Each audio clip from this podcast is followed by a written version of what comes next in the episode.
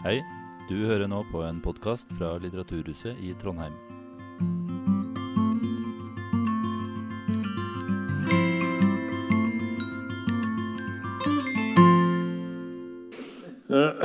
Jeg skal flytte meg bort her, tenker jeg. Ehm, ja, jeg har jo jobba litt med å få opp nynorskprosenten. Eh, så jeg tenkte det var viktig, og selv om jeg har eh, Boka er jo på bokmål. eh, Markedstilpassing kalles det.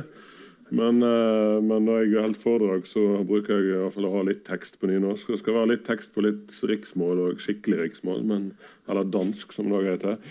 Eh, sånn etter hvert. Men eh, i alle fall så skal jeg snakke om konspirasjonsteorier. Jeg skal snakke om deres ødeleggende kraft.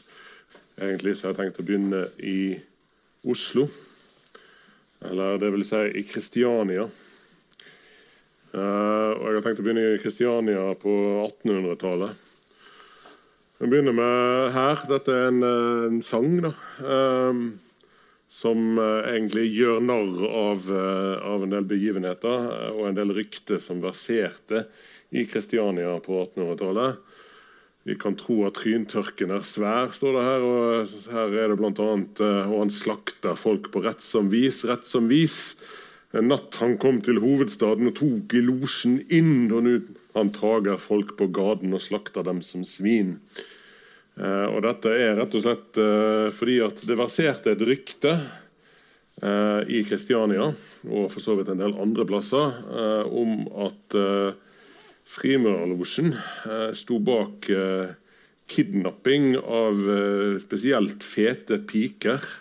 Også litt andre, men spesielt fete piker. Eh, hvorpå disse da ble slakta, salta ned på tønne eh, og solgt til Trynturken. Um, dette reagerte Klaus Pavels slottsprest 1813. Jeg sa vi skulle få litt dansk. Eh, han reagerte på det allerede i 1813 og sa at det har lenge sirkulerer et tåpelig rykte blant allmuen, både i byen og på landet, at unge og fete mennesker blir lokkede hen til et sted i byen hvor man slakter og nedsalter dem. En savnet pige som man ikke visste hvor hun var blevet av, har givet noen lystige hoveder anledning til å sammenføre et eventyr som nå er blevet alminnelig folketro. To tyrker oppholder seg her i byen og give en tønde gull for en tønde menneskekjøtt og to for et like kvantum menneskeblod. Frimurerne er deres kommisjonærer. Og i 1860, På 1860-tallet, nærmere bestemt helt på slutten av 86-tallet, i september, så førte dette rett og slett til opptøyer på Grev Edels plass i Oslo foran Frimurerlosjen sine lokaler. Her er det et oppslag fra det. Det er skrevet med gotisk skrift. Det har jeg bare med for å teste dere. Eh, jeg skal komme tilbake igjen litt til hva som står der, sånn etter hvert. Men eh, Morgenbladet var litt oppgitt over at disse ryktene skulle få sånne resultater. Så det begynte altså med, som, et, som et rykte. Og det endte med opptøyer på Grev Wedels plass. Det begynte som et rykte. Her har vi et annet rykte. Dette er fra Twitter i 2016. november. Mike Cernovich er en figur som ofte blir plassert innenfor det såkalte alt-right. Eh, lang historie hva det er, men det er noe ytre høyre i alle fall. Eh, og Han skriver her om Pizzagate, uh, som da er en fortelling om noen e-poster som har lokket ut. Og I disse e-postene så skriver John Podesta og andre sentrale demokrater om uh, f.eks. pizza og cheese pizza osv. Det blir da tolka sånn at de egentlig skriver om overgrep mot barn. Og Påstanden er da at en bestemt pizzasjappe i Washington DC som heter Comet Ping Pong, har en kjeller. og I denne kjelleren så foregår det helt groteske overgrep mot barn. Inklusiv overgrep som handler om å skremme disse barna så mye at det kommer et stoff i hjernen deres som heter adrenokrom, som man kan høste. Og så kan man bruke det som foryngelsesmiddel og som rusmiddel. Eh, det er et ganske sinnssykt rykte.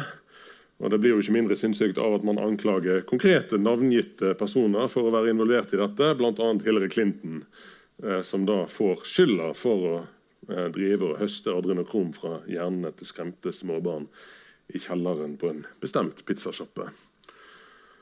Her er et annet uh, eksempel på det samme. Brittany Pettibone som skriver at dette noe har det blitt en, en verdensomspennende etterforskning. I dette her blir for øvrig også saker i Norge, reelle saker som handler om reelle overgrep mot barn, dratt inn som, uh, som et slags bevis på at dette foregår i de beste kretser.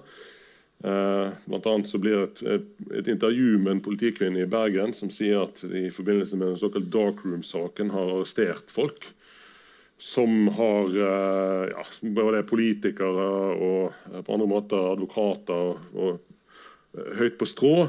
Det sitatet det blir tatt inn i en video som blir sendt ut på nettverket til en av de mest kjente amerikanske formidlerne av Pizzagate-forestillingen, nemlig Alex Jones sin videokanal.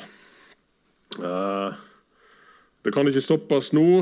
Eh, akkurat nå så er eh, sannheten den er i ferd med å komme for en dag. Da.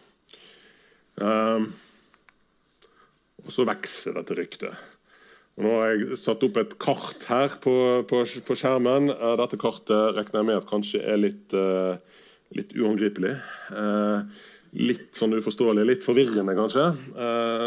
men dette er altså et kart som verserer innenfor det såkalte QAnon-universet. Uh, og QAnon er jo kort fortalt uh, en forestilling som baserer seg på at det finnes en intern kilde innad i Trump-administrasjonen som har såkalt Q-clearance. Det er liksom top secret. Det er en som virkelig har peiling. Som lekker informasjon om en hemmelig krig som foregår mellom Trump-administrasjonen og Trump på den ene sida og dypstaten på den andre sida. Uh, og denne hemmelige krigen lekker velkommen informasjon om til å begynne med på et forum som heter 4chan, deretter etter hvert på et forum som heter 8chan, i ganske sånn kryptiske kommentarer. Eh, og så blir det overlatt på sett og vis til de såkalte anons, de anonyme folkene på nettet, til å tolke dette og til å finne ut hva det egentlig som er ment i disse ganske kryptiske meldingene. Og Det blir da satt inn i et veldig stort konspirasjonsteoretisk univers. Eh, og Her vil man finne alt mulig eh, i denne kartet. her, Alt fra Rockefeller Foundation og symboler for Saturn, den kasariske mafia, satanisme, sumerere. Eh, ideer om den indre jord. Alt mulig. CIA der borte. Israel rett ved siden av. Og sånn fortsetter Lenin og Stalin og KGB. òg. alt, alt henger sammen med alt.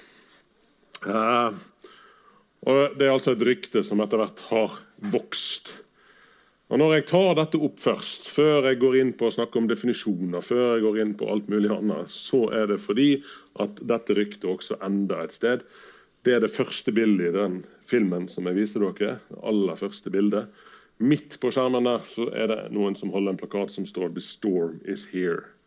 Og 'The storm is here' er et uttrykk innenfor QAnon-bevegelsen som handler om oppgjørets time, stormen som skal komme der alt skal komme for en dag, der det skal bli en omveltning.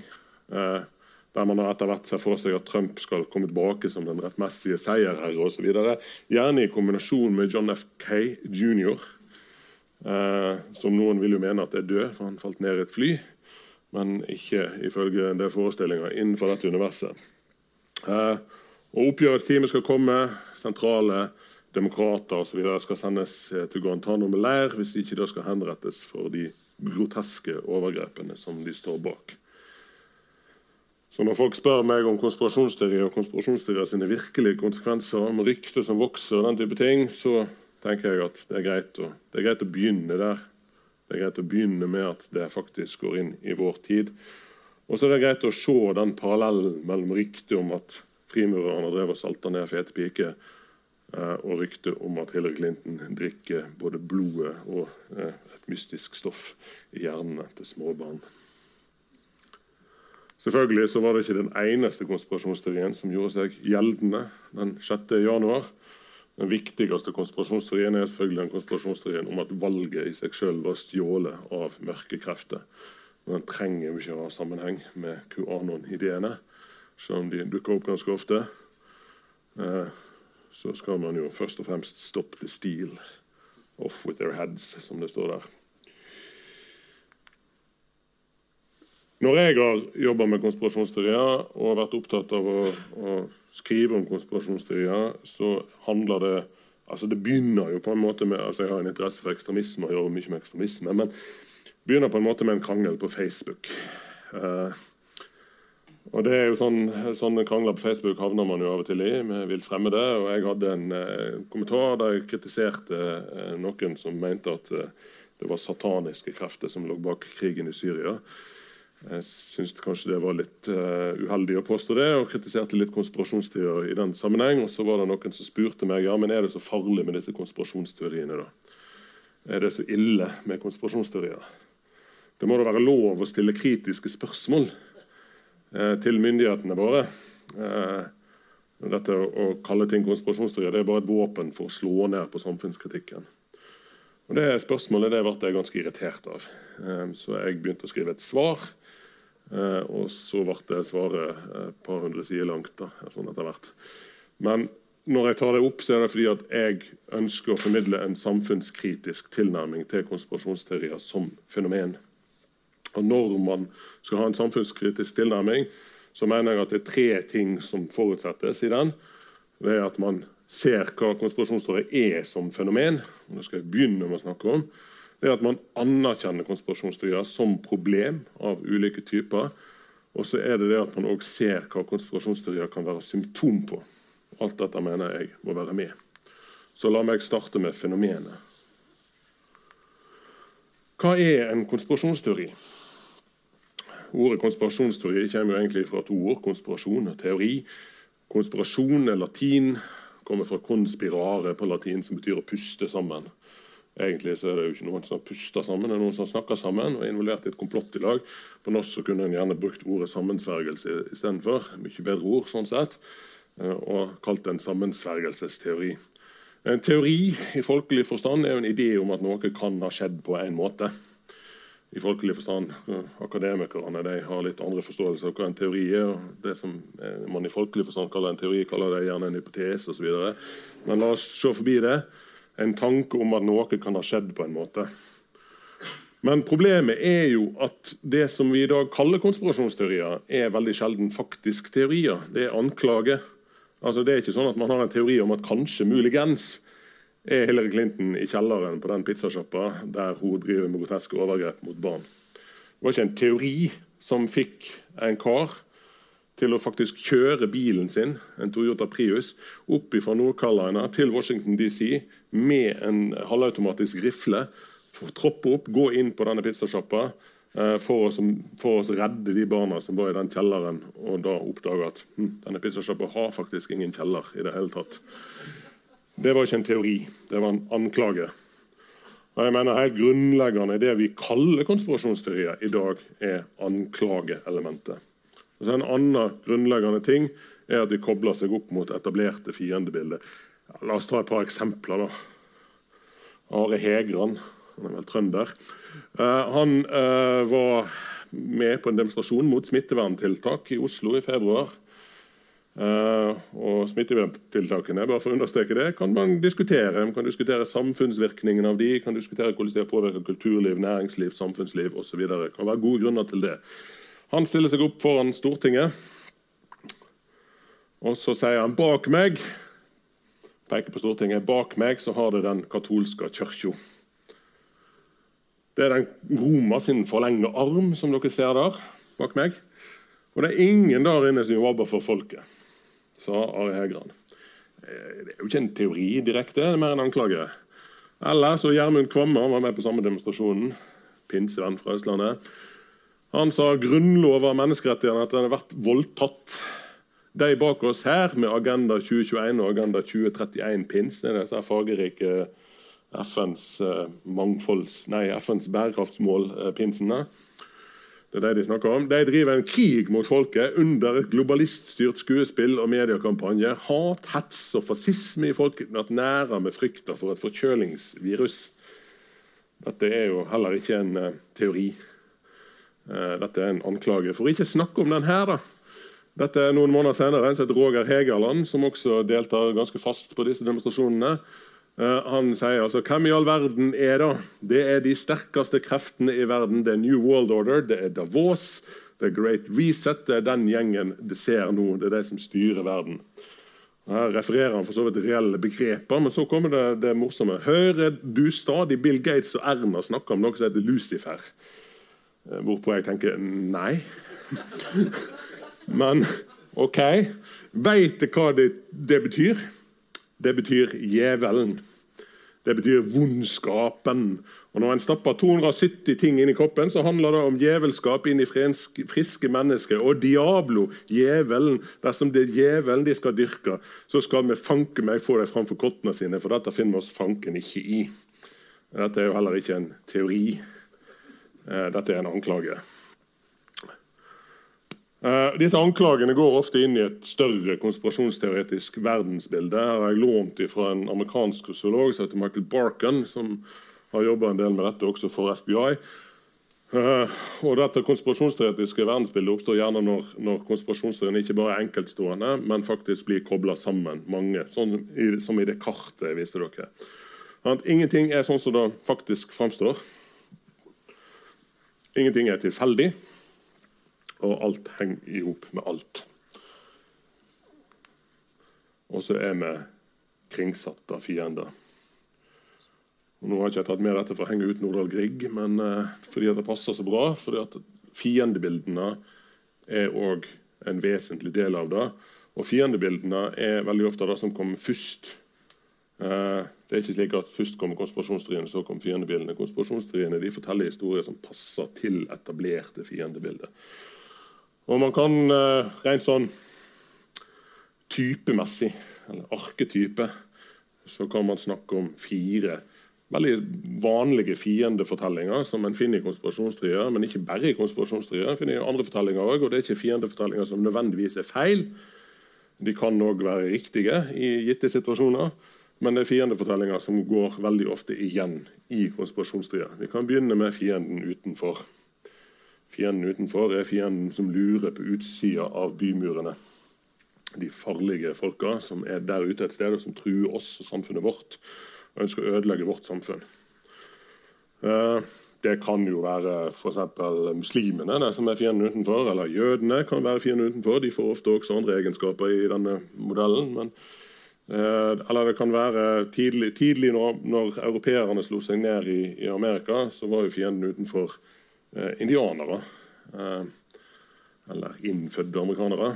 Eh, og disse Indianerne det ble jo sett på som en, en, en, trussel. og Av og til så var det en helt reell trussel, men ofte så ble det også fortalt mye større historier om, om, om store komplotter. F.eks. om Metakom, høvding Metakom, som ble gjort en veldig mye større og skumlere aktør enn han faktisk var.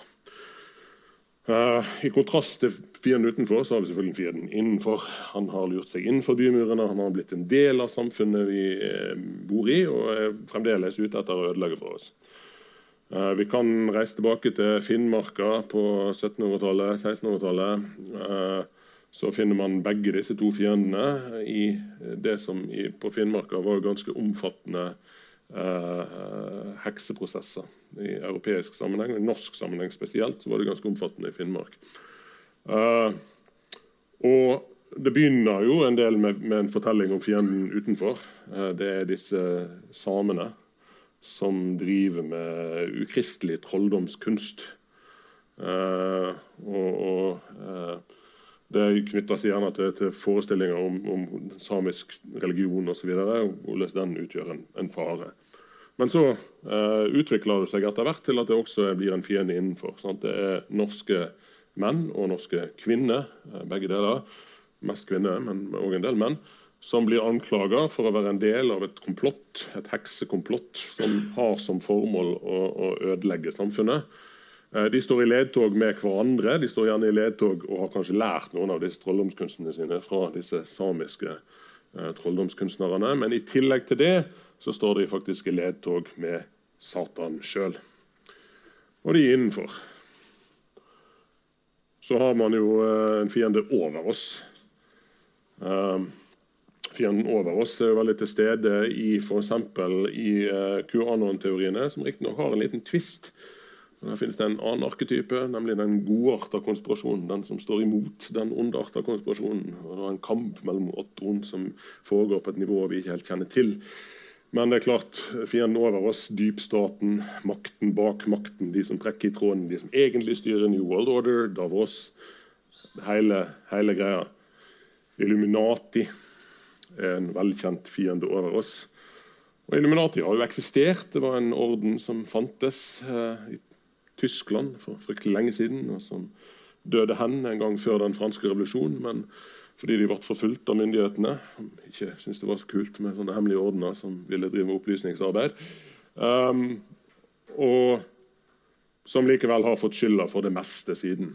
Uh, den franske revolusjonen fikk de jo skylda for. De fikk jo skylda for uh, første verdenskrig, andre verdenskrig. De har fått skylda for den russiske revolusjonen. Uh, de har fått skylda for at Michael Jackson døde. Nå Nylig så var det en sånn konsertkatastrofe uh, borte i Statene. Uh, og Den fikk Illuminati skylda for også, på TikTok. Fienden over oss. Noen som trekker trådene, noen som driver manipulerer i det skjulte. og så har vi fienden under oss.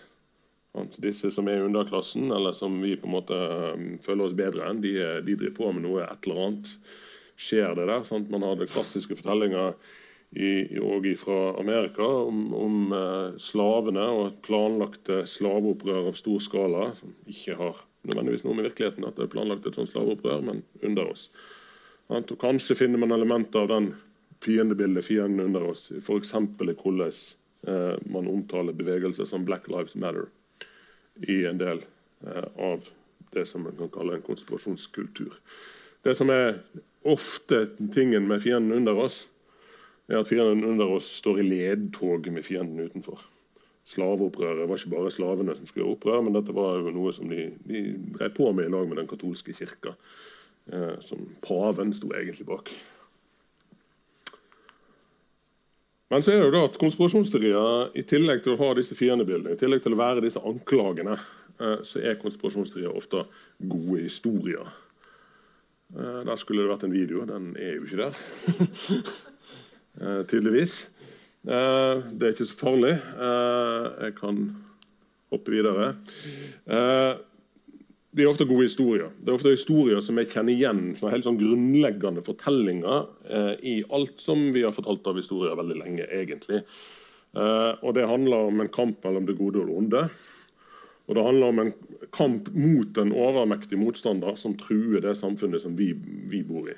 Dette er historien som man finner i epos som Gilgamesh, den eldste historien som vi kjenner til. Riktignok er helten i denne historien ganske heltete, men han er likevel eh, egentlig en pusling i forhold til denne fienden, som han allikevel klarer å slå. Det er ikke direkte det konspirasjonsteoretiske elementet inne, men kampen mellom godt og ondt er der. Uh, eller man kan ta Star Wars. Star Wars, en filmserie som jeg er veldig begeistra for. Hva handler den om? Den handler om et um, mørkt komplott uh, som har da erstatta en uh, godarta republikk med et ondsinna imperium gjennomført av en mørk orden. Uh, nei, sitt-orden, uh, som han heter. og Eh, så handler den om noen, noen, helter. Noen mektige, nei, noen modige sjeler. Eh, noen mennesker og noen litt andre ting. Som våger å utfordre dette og våger å stå opp mot dette. Og er på en måte den lille mannen som står opp mot denne trusselen, denne enorme, overveldende trusselen som ikke egentlig lar seg overvinne, men de vinner likevel. Og Den typen historier finner man veldig ofte også i konspirasjonsteoriene. Historien om godt og ondt, historien om overmektig fiende veldig klare skillelinjer. Er, man er ikke i tvil om hvem som er slemmingen.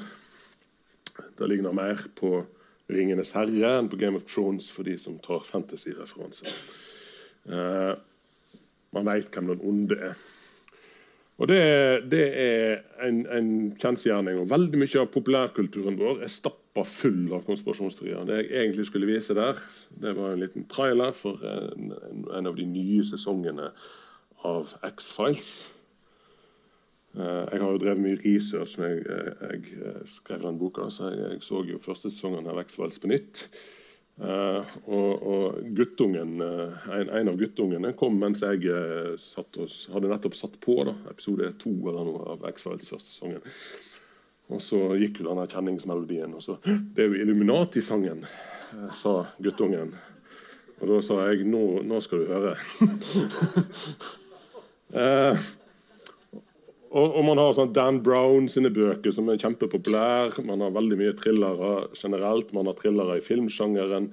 Fullt av konspirasjonsteorier. fullt av konspirasjoner. Veldig ofte så er det den fienden over oss som det handler om. Eh, X-Files uh, har man jo egentlig to grunnfortellinger. Den ene er fienden over oss, og den andre er man er ute på bygda. Et sted der mm, sivilisasjonen fremdeles ikke har festa helt grepet, og det bor noe rart ute i skogen. De to fortellingene går òg eh, i hop. Men så er det noe grunnleggende menneskelig med konspirasjonsteorier òg. Og det har jeg lyst til å understreke. For nå har jeg pekt på en del veldig rare forestillinger Uh, og jeg har pekt på den typen forestillinger som jeg Av og til også, av og til ringer det journalister til meg for å spørre uh, hvilken konspirasjonsteori syns du er den morsomste.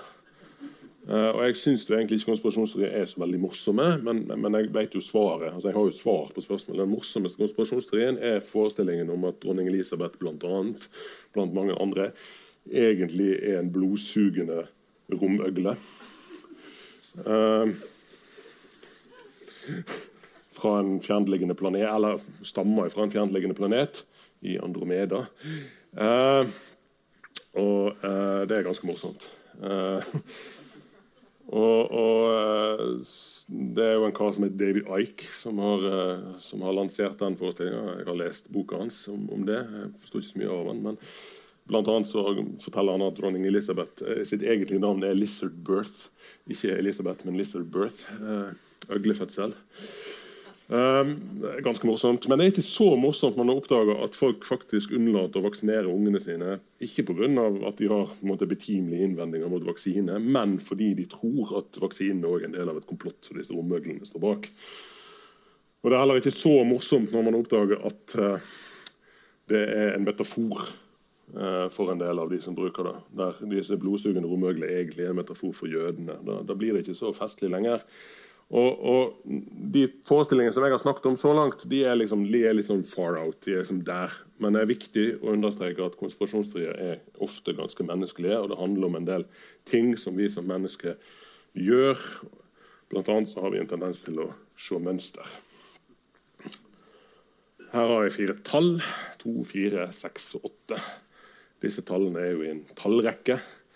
Uh, og hvis jeg sier at denne tallrekken er etter en bestemt regel, uh, så uh, vil jeg tippe at noen av dere har tenkt at mm, ja, OK, kanskje regelen er at det er partall. Og Hvis jeg da ber dere om å komme med noen forslag som kan bekrefte regelen deres, eller avkrefte den, så er jeg ganske sikker på at noen kommer med forslaget ti. Jo, jeg kan jo nikke og smile og si at ti er riktig. Ni ville også vært riktig. For regelen som den tallrekka som jeg har lagd, faktisk har. Nemlig at det dreier seg om økende tall. Jeg kunne sagt 14,78. Det hadde vært rett, det òg. Eh, men fordi at dere har sett et mønster, så tenker dere at ja, men da er det sånn. Dere har fått øye på et mønster. Jeg skal vise et annet eksempel. Hva er dette et bilde av? Hva ser dere her? Mm? To trekanter, ja. Ja, og De to trekantene ligger og hviler oppå noen sirkler. Noen, noen ser en davidsstjerne. Eh, ingen av de tingene er jo der. Det er ingen trekanter der. Det er ingen sirkler der. og det er heller ingen davestjerne der. Men, men, man ser den. Vi har en tendens til å fylle inn. Når vi stirrer opp på, på himmelen og ser en sky, og den skya ligner på en bikkje, så tenker vi oi, den der ligner på en bikkje. Når vi ser på stjernehimmelen, så ser vi ikke bare tilfeldig plasserte stjerner, vi ser stjernetegn. Vi ser Orions belte og Karlsvogna, Lillebjørn, Storebjørn, Kassopeia. Noen som har lært masse sånt, de ser enda mye mer, men det er nå de jeg ser. Um, og de er der jo ikke. Men som mennesker så har vi en tendens til å se mønster også der mønster ikke finnes. Og Det er en helt grunnleggende menneskelig egenskap, og det er en viktig menneskelig egenskap. for Evnen til å se mønster er helt avgjørende for at vi skal klare å navigere i verden sånn som verden er. Helt avgjørende for at man f.eks. har språk. Språk er et mønster. Eh, og helt avgjørende for å kunne avdekke farer. Man kan tenke seg urmennesket som går på savannen i Afrika en plass og rører seg noe i gresset. Det kan hende at det er vinden som rører seg. Eller det kan være en slange. En sånn en. Det er kanskje en fordel å se den slangen selv om den ikke er der. Fordi at den ene gangen av hundre det er en slange, så er det en fordel å ha sett den i forkant. Og te seg som om det var en slange der, selv om slangen ikke var der. Så evnen til å se mønster gjør at konspirasjonsteorier som fortellinger også har en viss appell til oss evnen til å mistenke ting, som vi òg alle har i større og mindre grad. Og Forskninga viser at folk som er veldig mistenksomme av seg, eh, de har jo en tendens til å tro lettere på konspirasjonsteorier, mens folk som er litt naive av seg, de tror gjerne ikke på sammensvergelser, selv om de er reelle. Eh, det finnes indikasjoner på, men, men, men evnen til å se mønster er noe på en måte veldig grunnleggende menneskelig og handler om at hvis jeg kommer inn i et rom så mistenker jeg òg ting fort. Hvis det står to personer i det rommet og snakker sammen, eh, og idet jeg kommer inn, så blir de helt stille. Og Da tenker jeg kanskje hm, er, det, er det meg de står og snakker om? Ikke sant? Eh, så er det kanskje et visst trinn å gå derifra og gå videre til det å faktisk komme med en konspirasjonsanklage. Sant? Fra teori til anklage. Forskjell på å tenke at hm, det er meg dere står og snakker om, eller å på en måte springe alt jeg kan bort til dem og skrike høyt. Jaså, dere står her og snakker om meg. Problemet med konspirasjonsteorier ja, det er jo selvfølgelig, det første problemet er jo litt, det litt sånn åpenbare, det som man alltid snakker om når man snakker om konspirasjonsteorier. Dette har en sammenheng med ekstremisme. Her har jeg Dale Johnson, han er en tidligere analytiker for Department of Homeland Security mista jobben fordi han skrev en rapport som advarte om høyreekstremisme på et tidspunkt det ikke var så populært. Uh, og uh, Han har skrevet i boka 'Hateland' konspirasjonsteorier er oksygenet som ekstremismen puster i. Sånne teorier bekjemper fakta med følelser. De forklarer verden på en dualistisk måte, godt og vondt. ikke sant? Der godt står mot vondt, og utpeker ofte enkle syndebukker i møte med komplekse samfunnsproblem. Og det er klart at eh, Man har konspirasjonsteorier som trusmål f.eks. retta mot minoriteter. Her har vi fra den gangen Norge fremdeles hadde en satiretradisjon. Dessverre så var det en antisemittisk satiretradisjon, men likevel. Eh, jødene som fiende. Eller man har katolikkene her i den klassiske eh, klassiske blekksprutbildet som man finner retta mot alle som er skumle. Uh, eller man har muslimene som driver og kravler fram overalt. Uh, og, og konspirasjonsteoretiske bilder retta mot minoriteter resulterer ofte i faenskap, for å si det rett ut. Vold og elendighet. Så det, det, er et problem. Det er et problem som veldig mange eh, anerkjenner, og som man ofte snakker om når man snakker om konspirasjonsteorier som problem. Her har vi et eksempel fra Canada fra London i Ontario, der en kar eh, tidligere i år altså kjører på en familie som står og venter på å krysse gata. Eh, motivert av antimuslimske og anti-innvandringsideer med konspirasjonsteoretiske trekk. Mye tyder nå på at han var inspirert av terroristen på New Zealand i Christchurch-angrepet i 2019. Uh, Konspirasjonsteorier spiller også en rolle i den ekstreme islamismen. Uh, både i den ekstreme islamismen som, som, uh, som man faktisk har uttrykt. En grunnleggende fortelling i den ekstreme islamismen er at man står overfor en sammensvergelse mot islam. Denne sammensvergelsen er det jøder og korsfarere som står bak. Det kan man lese om i Dobik, blekker som IS ga ut. De tok riktignok avstand fra konspirasjonsteorier sånn av og til, og Davik, for de syntes det var litt irriterende eh, en del andre konspirasjonsteorier. Men antijødiske konspirasjonsteorier og forestillinger om en stor konspirasjon mot islam helt grunnleggende i den ekstreme islamisme. Men så har man sånne fortellinger som da Bastian Vasquez, eh, som eh, jo etter hvert ble kjent som ekstrem islamist, og som IS eh, rekrutt, syriafarer. Og, og, det er et interessant spørsmål hvor starta egentlig radikaliseringa hans. Det er en del ting som tyder på at det starta ikke med ekstrem islamisme, men med konspirasjonsteoretiske forestillinger. Uh, han uh, i veldig ung alder begynte å bli fascinert av en, en, filmserie som heter Sightgeist, som inneholdt sånn 9-11-konspirasjonsteorier og litt alternative forklaringer på religionshistorien, for å si det forsiktig. Um, og Etter hvert så oppdaga han også en serie som heter The Arrivals. Uh, som er en YouTube-serie. Fins fremdeles på YouTube, men han er ikke så god å finne lenger. men den går an.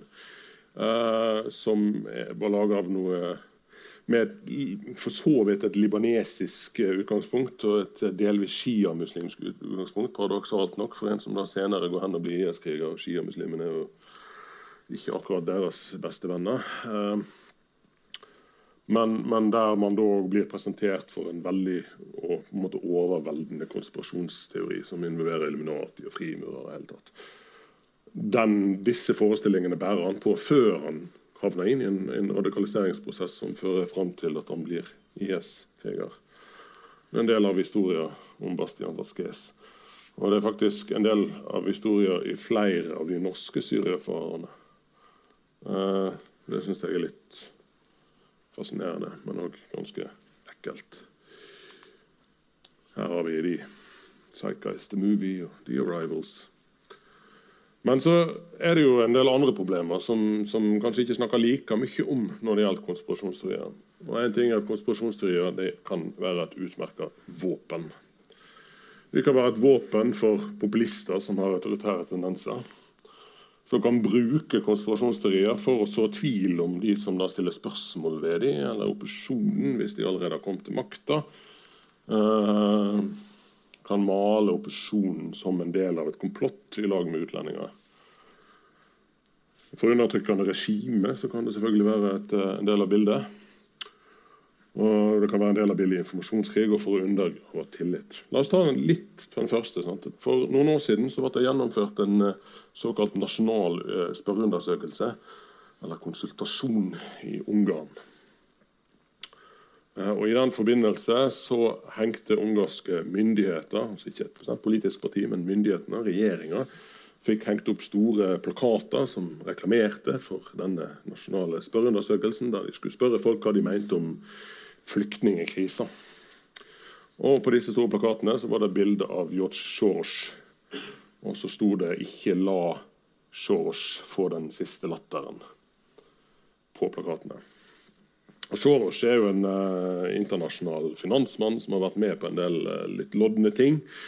Uh, kjent som 'The Man Who Broke the British Bank' fordi han spekulerte mot den britiske bank og, og vant. og han er på en måte et, et, en, en, mann som passer veldig godt inn i mange fiendebilder.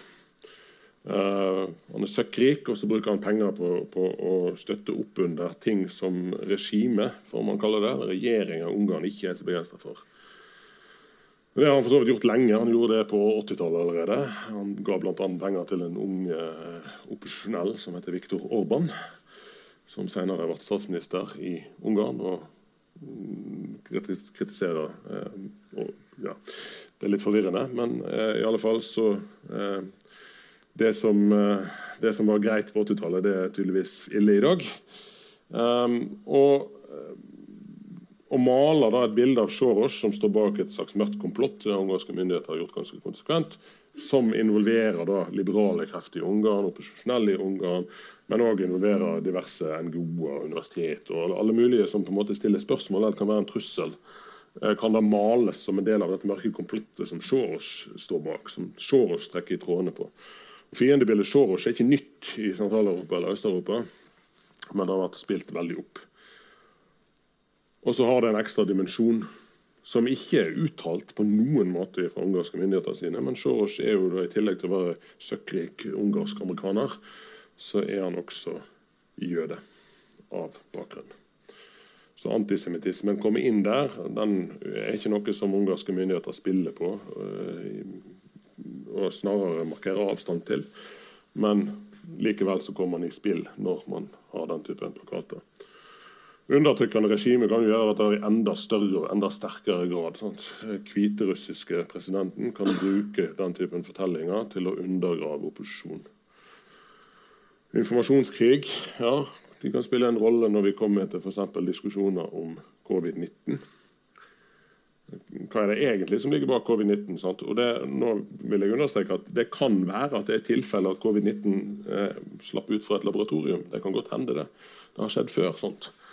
Eh, vi har ikke noe bevis på at noe sånt har skjedd, men, men det, man skal ikke utelukke det. Eh, Noen mener å finne indikasjoner på det, og andre mener at nei. Greit.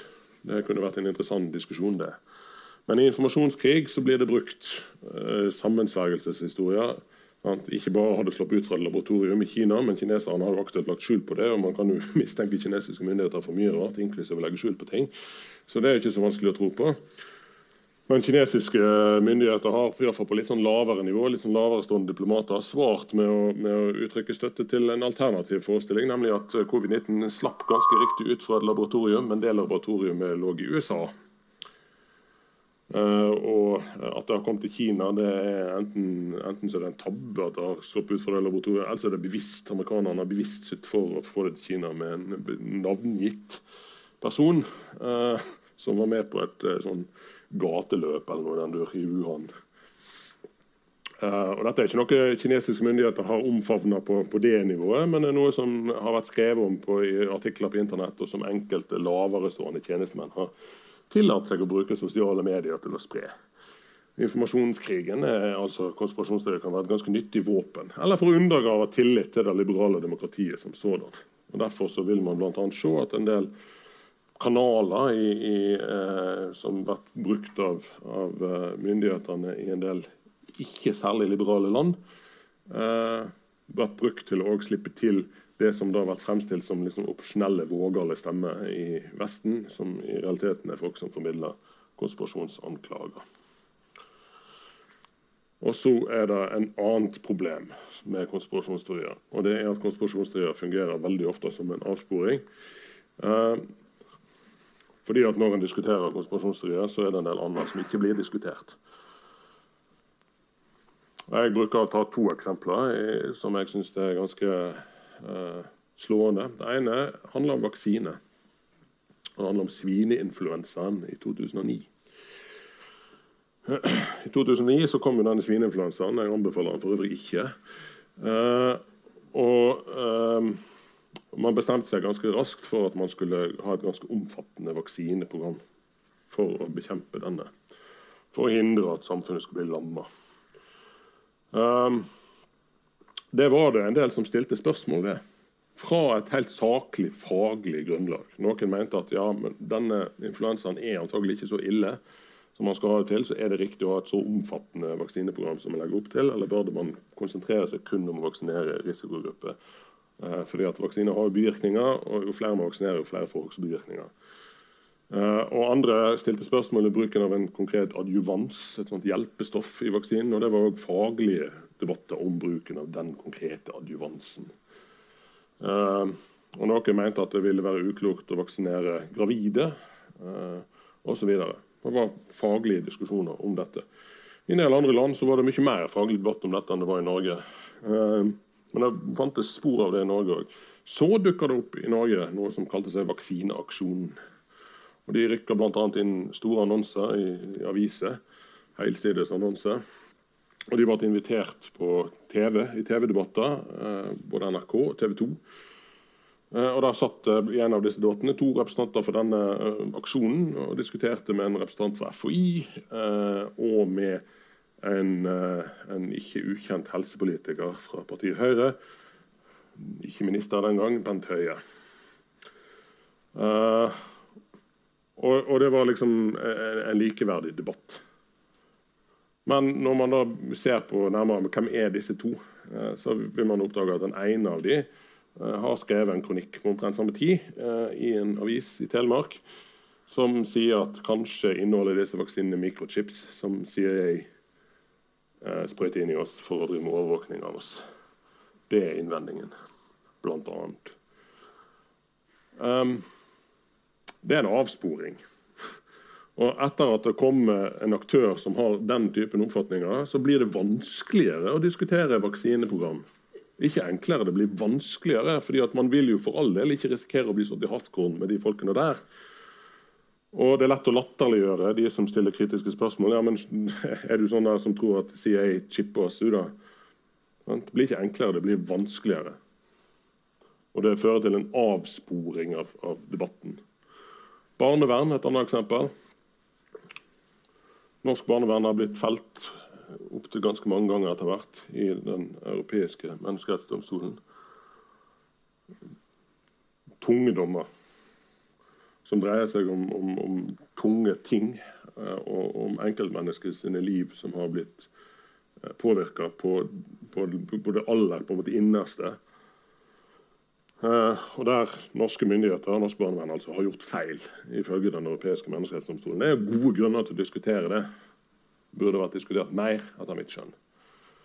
Men hvis man går inn på internett, inn på en del antibarnevernsforum på internett, så vil man ganske kjapt støte på forestillinger om at barnevernet egentlig er meint å stjele barn i en slags tjeneste for av og til Arbeiderpartiet, av og til Illuminati, frimurerne dukker opp. forskjellige. Alle disse forestillingene har jeg funnet på norske barnevernskritikere sine Facebook-grupper. David Ike, han fyren med romøglene, har jeg til og med funnet der.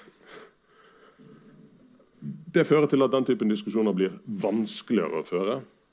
Det blir vanskeligere å ha en debatt om, om, om barnevernet når konspirasjonsteoriene er der og kommer i veien. Og så fører det også til at mennesker som i utgangspunktet kan være i en veldig sårbar situasjon, oppsøker et sosialt medium for å finne hjelp, finne støtte, også blir møtt av konspirasjonsteorier som de kanskje kan ha lettere for å kjøpe i en fortvila situasjon. Så Konspirasjonsteorier som avsporing er et vesentlig del av problemet ved konspirasjonsteorier. Og Grunnen til at jeg òg blir relativt forarga når folk prøver å pakke det inn som om de var samfunnskritikk.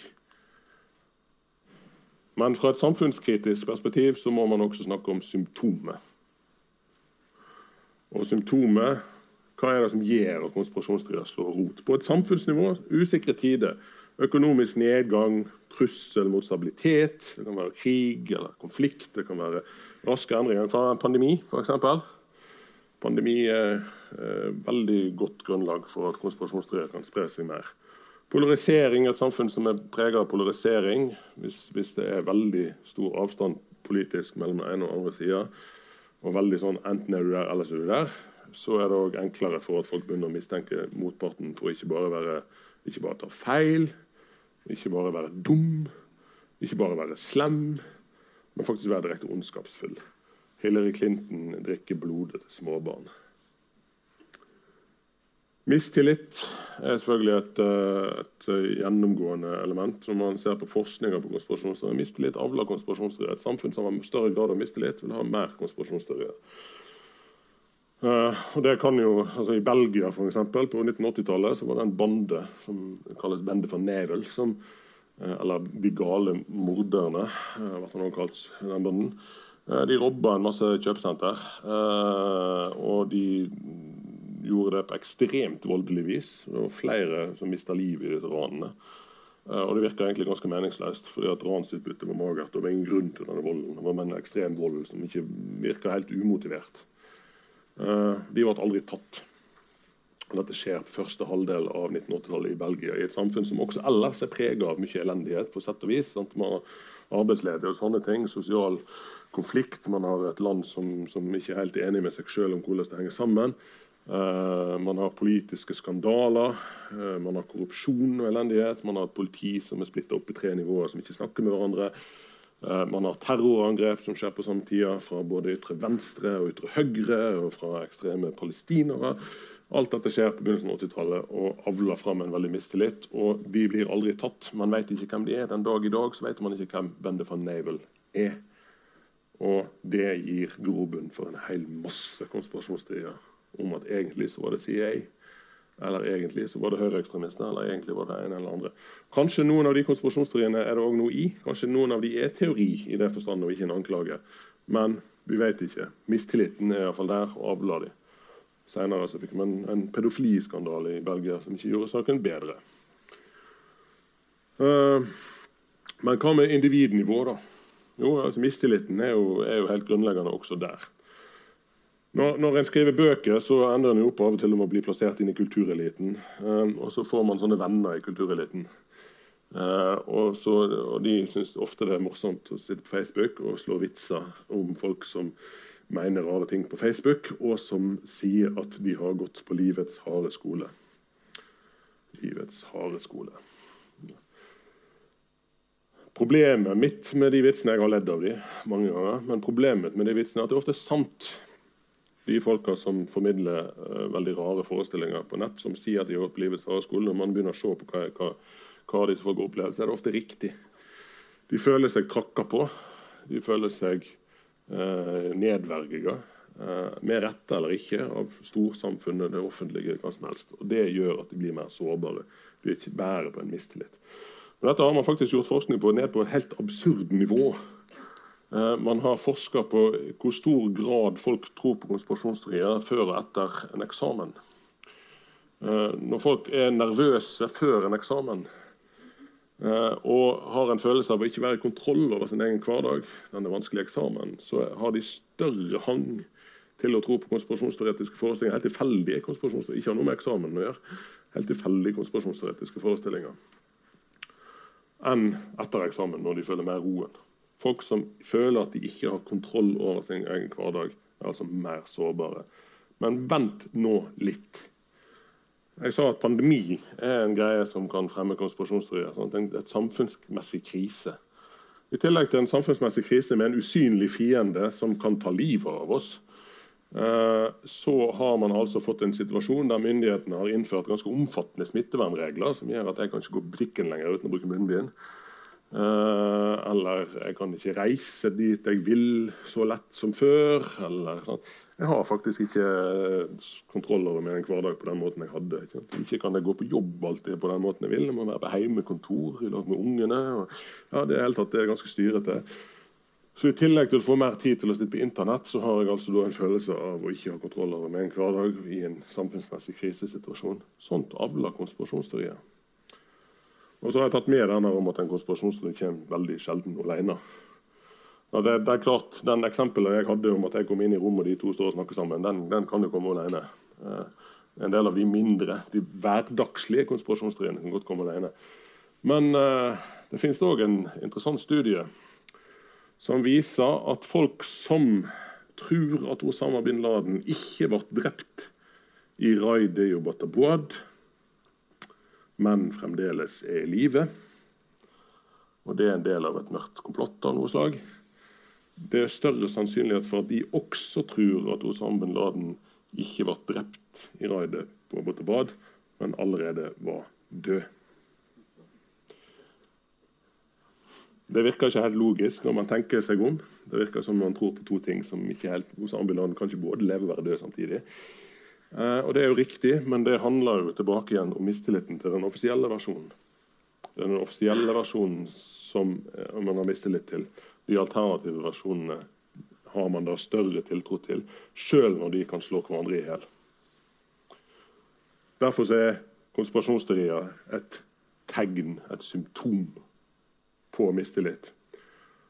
Og Når jeg etterlyser en samfunnskritisk tilnærming til konspirasjonsteorier, så er det også det jeg mener.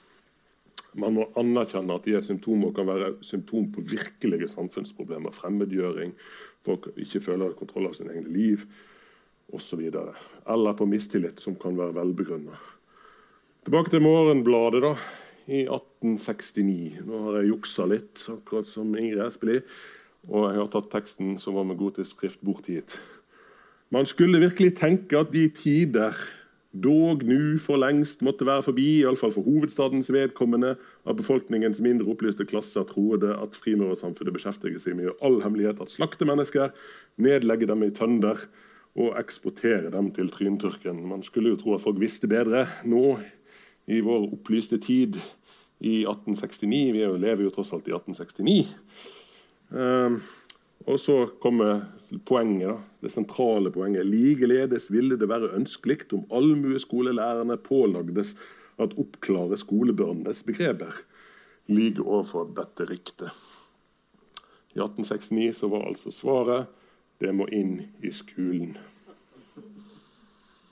Og det er jo svaret fremdeles. Det er jo det jeg eh, får spørsmål om. Uh, ja, Må ikke dette inn i skolen? Må ikke vi ha mer fokus på dette i skolen?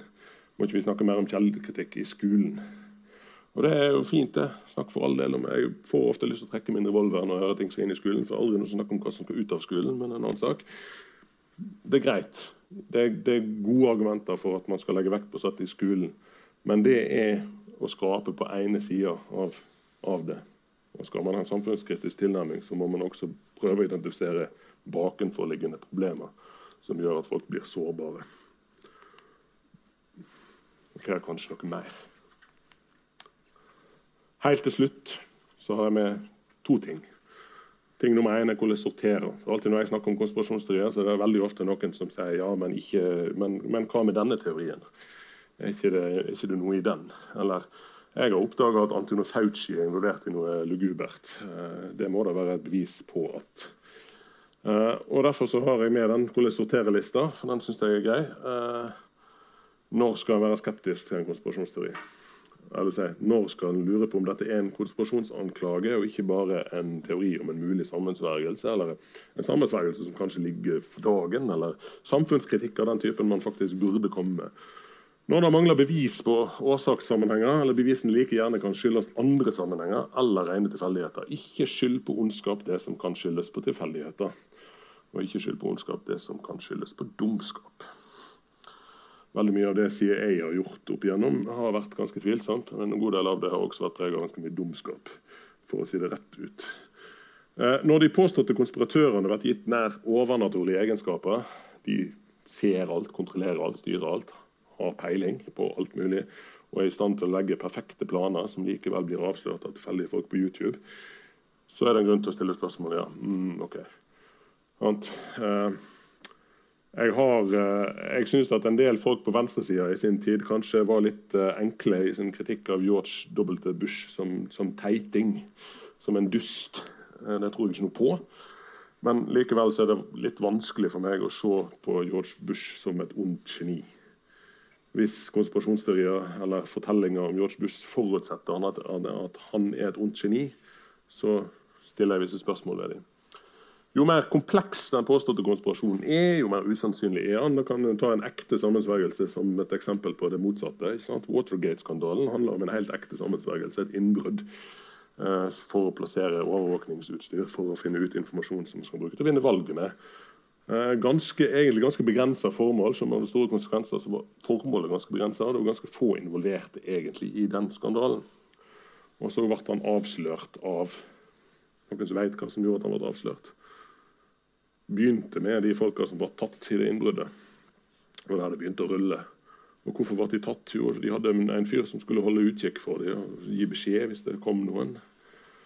Uh, han ble så oppslukt i en skikkelig dårlig skrekkfilm på hotellrommet sitt på andre sida av veien. At han faktisk ikke fikk det med seg, hva som foregikk. Og dermed så ble de tatt. Takket være også en oppmerksom sikkerhetsvakt som la vekke til noen teipbiter på noen låser. Det var der det begynte. Men så har vi selvfølgelig Deep Throat. og viser seg at Når folk kjenner til mørke sammensvergelser, så er det fort for at noen snakker òg. I den konspirasjonsteoretiske fortellinger er ofte konspiratørene veldig enige med hverandre. veldig allierte. Liksom ikke, man har ikke masse interne krangler i Illuminati. Mens i virkelige konspirasjoner så har man det. Derfor så kommer de ofte for en dag. Små hendelser dette tok jeg med litt som en kontrast til det jeg nettopp sa om Watergate. Men små hendelser blir brukt til å forklare store og betydningsfulle hendelser. Dette har vi òg en tendens til å gjøre som mennesker. Sant? Vi forklarer fremdeles første verdenskrig med at det var en prins som ble skutt. eller fyrste eh, som ble skutt ned i Sarajevo. Det var årsaken. Det var jo ikke det som var årsaken. Men det blir fremdeles brukt som forklaring. Når små hendelser, et eller annet, en liten sånn anomali, et eller annet som ikke stemmer i en stor, stor sak, blir brukt til å vise at dette egentlig er en mørk sammensvergelse, ingenting av det blir fortalt er til å stole på, da skal en stille spørsmål ved hvem er det som egentlig ikke er til å stole på. Når fakta og spekulasjon blir blanda i hop, det er jo dette med anklager da, igjen. Og når innvendinger blir brukt med fiendtlighet Nå skal jeg innrømme at jeg møter gjerne en del konspirasjonsteorier med litt fiendtlighet sjøl etter hvert, fordi at jeg er blitt litt lei av dem. Men når innvendinger konsekvent blir møtt med fiendtlighet, 9-11 eh, man påstår at 9-11 det var et mørkt komplott som amerikanske myndigheter sto bak. Og man sier nei, det var Osama bin Laden og co. som sto bak. Og når man da blir eh, kalt veldig mange stygge ting for å mene det, så er det en grunn til å stille spørsmål ved den teorien òg. Og så litt kaldt vann til slutt. Jeg bruker ikke å ha med, og spesielt når jeg snakker til lærere. Men jeg tenkte at ok, folk her er sikkert av en generasjon som gjør at vi kan ha litt kaldt vann på en del ting som har med Internett å gjøre. Eh, Internett har folkens alltid vært et sosialt medium. Det er ikke noe nytt. Det begynte ikke med Facebook, det begynte med den hotte appen e-post, som ble lansert på 70-tallet. Eh, sosialt. Det er faktisk selve poenget med Internett. at det er et sosialt medium. Og i 1996 Nei, la oss begynne med 1983. da. I 1983, før World Wide Web, så kom den første eh, høyreekstreme og konspirasjonsteoretiske antisemittiske nettsida på nett. 1983. Det var en bulletin board system, en sånn som man må ringe opp til med modem. Og I 1996 så kom Stormfront Eh, på nett. Høyreekstremt nettforum der folk kunne møte hverandre og diskutere sin høyreekstremisme. Det er altså året før google.com ble registrert. Eh, samme år som Die Hard i New York kom på kino. Eh, det er ikke noe nytt. Internett er ikke en annen plass. Vi snakker ofte om ting som skjer på internett som det var et annet sted, og så går vi rundt med disse her, alle sammen går rundt med disse her for tiden. Sant? Og Hvis folk hadde kommet fra 50-tallet liksom rett inn hit og fått Jeg har et sånt apparat tilgang på all verdens informasjon, det, jeg bruker det å se på kattebilder og til å krangle med vilt fremmede, så hadde de kanskje ikke trodd på det, men det er grunn til å minne om at det er ikke en annen plass. Det som skjer på nett, det skjer i virkeligheten, og det som skjer i virkeligheten, skjer på nett. Og Når konspirasjonsteorier sprer seg på nett, så er det ikke pga. at det er på nett. Det er pga. at de konspirasjonsteoriene finnes der ute i virkeligheten. Er du innfødt? Hvem er det her som husker første gangen, eller ca. første gangen, de var på Internett? Opp med ei hånd. Cirka første gangen eller første gangen. Jeg bruker å stille det spørsmålet av og til når jeg er ute og holder foredrag på videregående skoler. Uh, og Der er det aldri noen som rekker opp neven, bortsett fra en og annen lærer. Fordi at de som går på videregående skole eller på barneskole ungdomsskole osv. Og, så og godt opp i 20-årene, de husker ikke det. Snittalderen var for noen år siden jeg vet ikke hva den er nå, men jeg ble fortalt av en forsker for noen år siden, snittalderen første gang var på nett er nå på 18 måneder. Og det eh, har nok sikkert sunket siden den gang. Eh, jeg var 16 år, så jeg husker det. Og det betyr sant, Når man ikke er innfødt med et medium, når man ikke kjenner et medium, så reagerer man veldig ofte med at man får en dose moralsk panikk. Når jeg snakker om konspirasjonsteorier og noe av det tar utgangspunkt i nett, så har jeg med den advarselen. Og jeg ikke reagerer med moralsk panikk, for det har vi hatt med alle nye medier, inklusiv boka. Uh, og det var jo alle mulige slags folk fikk uttrykke ideene sine. og Det var jo for så vidt sant, og det førte til mye ille òg, men, men, det er liksom kanskje ikke boka som medium sin feil allikevel. Eller tegnefilmen, eller filmen, eller lyd, LP-en, eller hva det nå er. Så ikke gjør det. Og så kommer den siste. Får ofte spørsmål om det. Så jeg tar svarer på det før jeg får spørsmålet. Er det mer eller nå enn det var før? Problemet med å svare på det er at det vet vi strengt tatt ikke. Eh, fordi at forskninga springer for seint. Eh, springer ikke noe særlig i hele tatt. Den siste studien som jeg kjenner til, som ser på at det er noe i dybden i USA, er fra 2016. Det har skjedd en del ting siden 2016. Den studien gikk gjennom en masse leserbrev i amerikanske aviser fokus på New York Times. leserbrev, og lett etter konspirasjonsteorier og fant ut at det var mest konspirasjonsteorier på 1950-tallet. Men han oppdaga også at uh, journalistisk så hadde man hatt artikler som fortalte at nå var det mer konspirasjonsteorier enn noen gang før. Både på 70-tallet, 80-tallet, 90-tallet, 2000-tallet og 2010-tallet. Det stemte ikke, ifølge disse forskerne. Men så har det skjedd en del ting siden 2016. Trump har vært president, har nok spilt opp en del. Uh, man har en pandemi som gjør oss mer sårbare. Uh, og man har selvfølgelig diskusjonen om sosiale medier, som jeg har forsøkt å avvæpne litt. For det er ikke sånn at sosiale medier har skylda. Selv om Man kan diskutere visse sider ved dem. Da var det kommet til veis ende, og det er rom for spørsmål eller kommentarer. Eller konspirasjonsteorier.